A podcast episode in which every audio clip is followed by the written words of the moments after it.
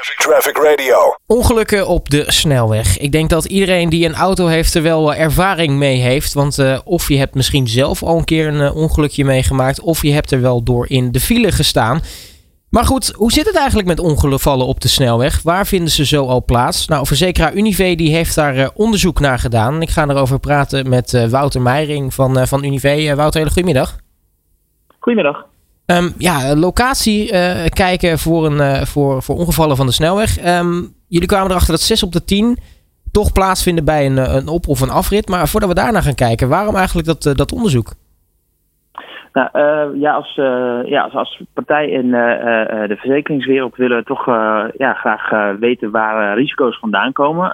verzekeren is één ding, maar als we uh, samen met onze leden risico's kunnen voorkomen of uh, tenminste beperken, dan, uh, ja, dan is het ook goed om te kijken van hoe ontstaan risico's, waar, waar, waar bestaat de grootste kans op schade. En zo hebben we ook eens een keer gekeken naar ja, ongelukken en waar die voor, vooral plaatsvinden eigenlijk. Dus ehm, dat is gewoon voor ons hele belangrijke informatie om te weten van waar komt in dit geval autoschade vandaan en letsel. En nu hebben jullie uh, heel veel ongevallen uh, geregistreerd en geanalyseerd. Ruim 75.000 snelwegongevallen tussen 2016 en 2018.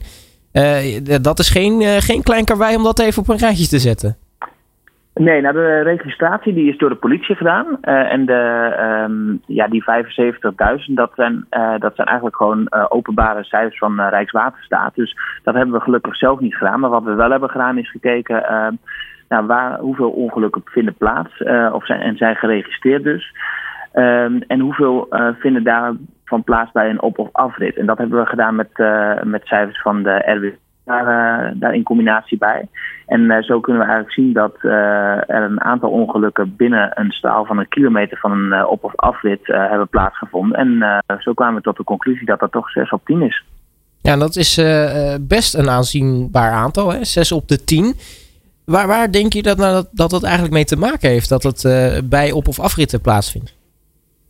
Nou, dat, uh, ja, met een analyse van cijfers uh, is dat natuurlijk niet een, een wet van media pers om dat te kunnen concluderen. Maar wij vermoeden dat dat wel komt, omdat ja, als je zelf natuurlijk op een, een lang stuk snelweg rijdt waar, ja, waar, waar, je eigenlijk een open veld hebt, een open blik, ja, dan is er niet zoveel aan de hand, word je niet zo snel gestoord in je rijgedrag.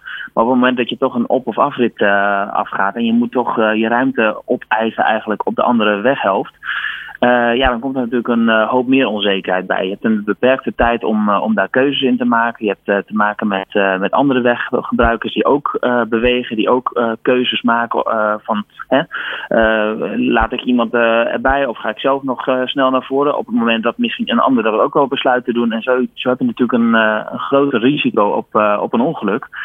ja, en die onzekerheid om die keuzes te maken, al die keuzes die bij elkaar komen, dat, dat verhoogt dat risico. Ja, overigens uh, hebben jullie ook gekeken, maar ongelukken bij op- of afritten die lijken niet echt specifiek veroorzaakt te worden door woon-werkverkeer of vrachtverkeer. Hè?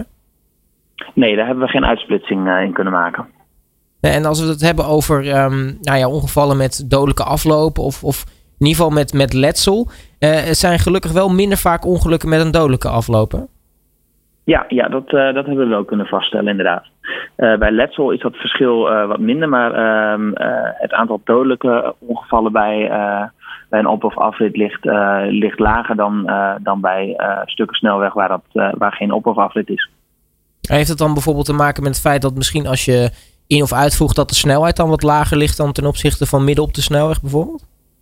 Ja, dat zou, dat zou goed kunnen. Kijk, uh, als er iets gebeurt op een, uh, een snelweg waar je wel de volle snelheid hebt, uh, wat dus niet het geval is bij een op- of afrit natuurlijk, ehm, dan, ja, dan, dan is de impact natuurlijk wel groot op het moment dat je elkaar wel raakt of dat, dat, dat er iets gebeurt wat, wat niet hoort. En ja, misschien is dan de kans inderdaad groter dat, dat de gevolgen fatale zijn. Overigens hebben jullie ook gekeken naar waar dan de ongevallen plaatsvinden, als in locaties in Nederland. En wat dan opvalt is dat uh, verreweg de meeste ongevallen op de A10 gebeuren. Ja, ja we hebben in de top, top 10, daar zien we drie keer de A10 staan met Amsterdam-Osdorp bovenaan. En op de derde plek, op de, op de tweede plek Amsterdam-Tuindorp. Ehm, en als je, die, ja, als je die lijst nog uitbreidt naar, vijf, naar een top 25, dan komt de A10 daar zelfs negen, keer in voor. Um, dat is best aanzienlijk. En als je kijkt naar, naar de A10 zelf, dan uh, die is, die is 32 kilometer lang. En voor zo'n klein stukje snelweg, wat natuurlijk de ringweg is rondom Amsterdam, mhm. heeft hij best wel veel op- en afritten die ook nog behoorlijk kort zijn, uh, dicht op elkaar liggen. Uh, ja, en, en, wat ik net al zei, uh, in, in, combinatie met de grote verkeersdrukte en de verkeersintensiteit, dan, dan, ja, dan, dan, dan komt die keuze, de, de tijd om keuzes te maken en, en de tijd die anderen hebben om ook keuzes te maken, die wordt natuurlijk steeds kleiner en korter. dus de hectiek is daar groot en, en ja, dat, dat gaat hand in hand met het risico. Dat ook als je kijkt naar, naar het gemiddelde hè, op de A10 in 2018, uh, zeg je ook 41,8 ongelukken per kilometer snelweg. Ja, voor een kleine snelweg is dat natuurlijk reusachtig.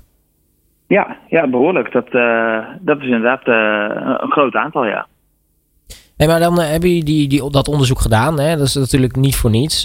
wat, wat, wat gebeurt er eigenlijk met de cijfers en met de uitslag? Ja, dat is iets, uh, dat is onderwerp van, uh, van gesprek bij de, de mensen die, die, uh, die zich echt met de autoverzekering bezighouden. Kijk, um, bij, bij Unive ja, maken we natuurlijk allerlei risicoanalyses en dat heeft betrekking op onze, onze producten. En, en ja, we willen natuurlijk gewoon zorgen dat, dat de premies van onze leden zo laag mogelijk blijven. Zodat, en dat doe je door, door zo weinig mogelijk te hoeven uitkeren bij schade. En ja, dat hoeft dus niet als je, als je ertoe bijdraagt om, uh, om schade te voorkomen, zeg maar. Dus ja, hoe, hoe dat in de praktijk uh, verder vervolgt, dat, uh, dat kan ik nog niet zeggen. Maar we willen er alles aan doen om ja, zoveel mogelijk schade te voorkomen. En, en leden te wijzen op hoe ze in dit geval ja, veilig rijgedrag kunnen vertonen. Nou, heb jij zelf eigenlijk ooit nog een, een ongeval meegemaakt, Wouter?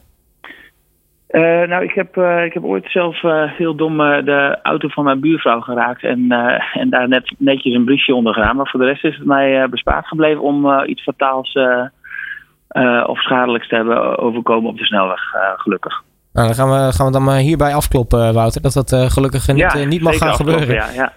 Um, mag je in ieder geval danken voor je tijd, Wouter Maring van, van Unive. En nou ja, hopelijk deze cijfers toch, toch aanzienlijk. Dus hopelijk gaat er ook wat mee gebeuren. Ja, heel erg uh, bedankt voor jullie belangstelling. Traffic Radio.